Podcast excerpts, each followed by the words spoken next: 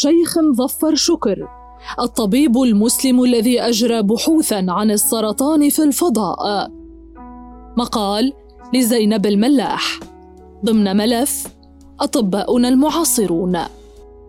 اهتم المسلمون بعلم الفلك بشكل خاص لحاجتهم إليه في تحديد أوقات الصلاة وشهر الصيام وموسم الحج. إذ استطاع العلماء المسلمون أن يضعوا مبدأ الرصد الفلكي الذي نقل علم الفلك نقلة نوعية من التنجيم واقتصاره على البعد النظري إلى أساس علمي معتمد على الرصد والمراقبة والتدقيق. فبنوا المراصد الكبيرة وجهزوها بالأدوات ورسموا الخرائط الملونة للسماء.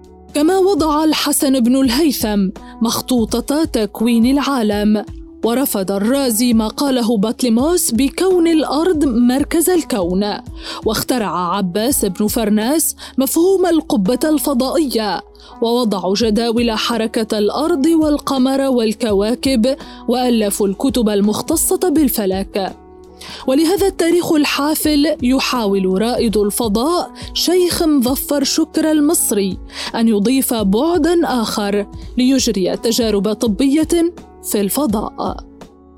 شيخ مظفر شكر جراح العظام والكسور المسلم الباحث في معهد علوم الفضاء بالجامعة الوطنية الماليزية وأول رائد فضاء ماليزي يجري بحوثا عن مرض السرطان في الفضاء ولد شيخ مظفر عام 1972 في كوالالمبور لعائلة منحدرة من أصول مالية عربية وغالبا ما يذكر هذه الأصول بفخر.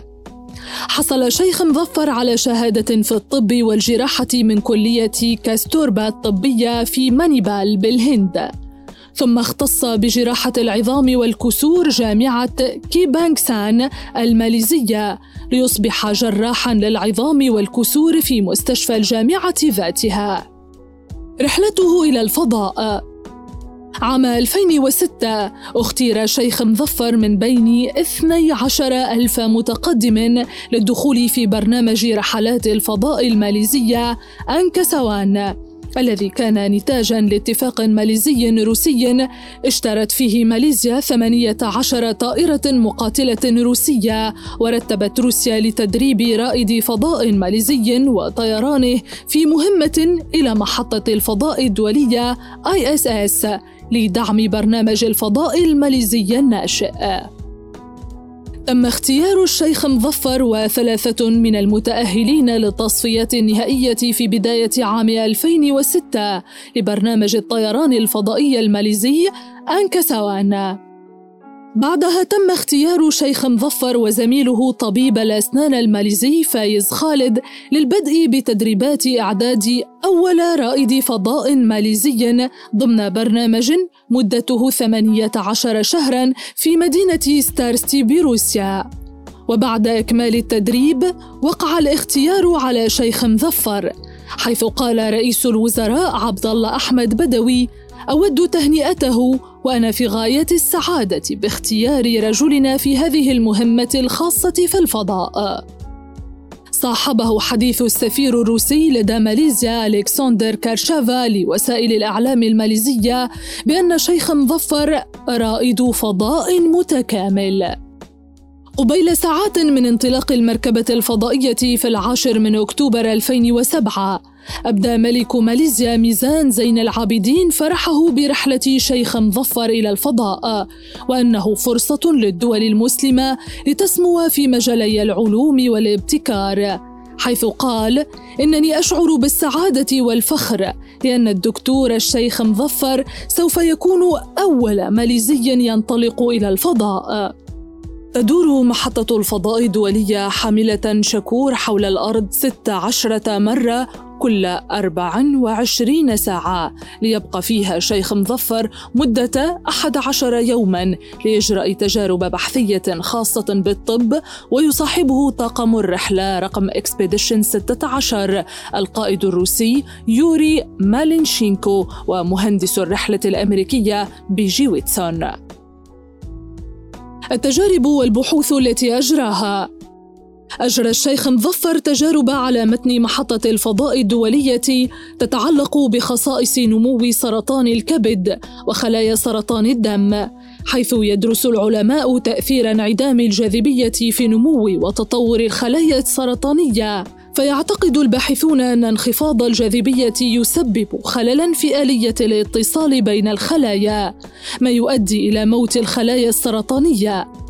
هذه الدراسات تعطي الأمل بإيجاد علاج لمرض السرطان الفتاك ولا تزال البحوث قائمة إلى الآن بالإضافة إلى أبحاثه عن مرض السرطان أجرى شيخ مظفر أبحاثا عن بلورة العديد من البروتينات والميكروبات في الفضاء تلعب البروتينات دورا مهما في الجسم البشري.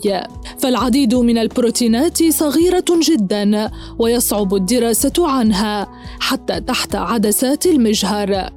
لكن البنى ثلاثية الأبعاد للبروتينات يمكن دراستها لكن يتحتم أن تكون في حالة بلورية.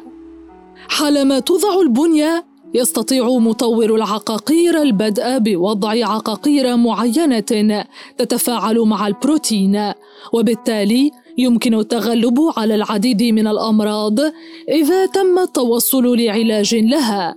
كما أجرى تجربة على الميكروبات المسببة للأمراض الاستوائية والبروتينات من أجل عمل لقاح ضد فيروس نقص المناعة البشرية المسبب لمرض الايدز الصلاة في الفضاء بالنسبة لمسلم ملتزم السؤال المهم كيف ستكون شكل الفرائض في الفضاء؟ أين سيكون اتجاه القبلة؟ كيف يستطيع الوضوء في مكان يصعب فيه استخدام الماء؟ وهل يجب عليه أداء ثمانين صلاة كل أربعة وعشرين ساعة بحكم أن الشمس تشرق وتغرب عليه ست عشرة مرة؟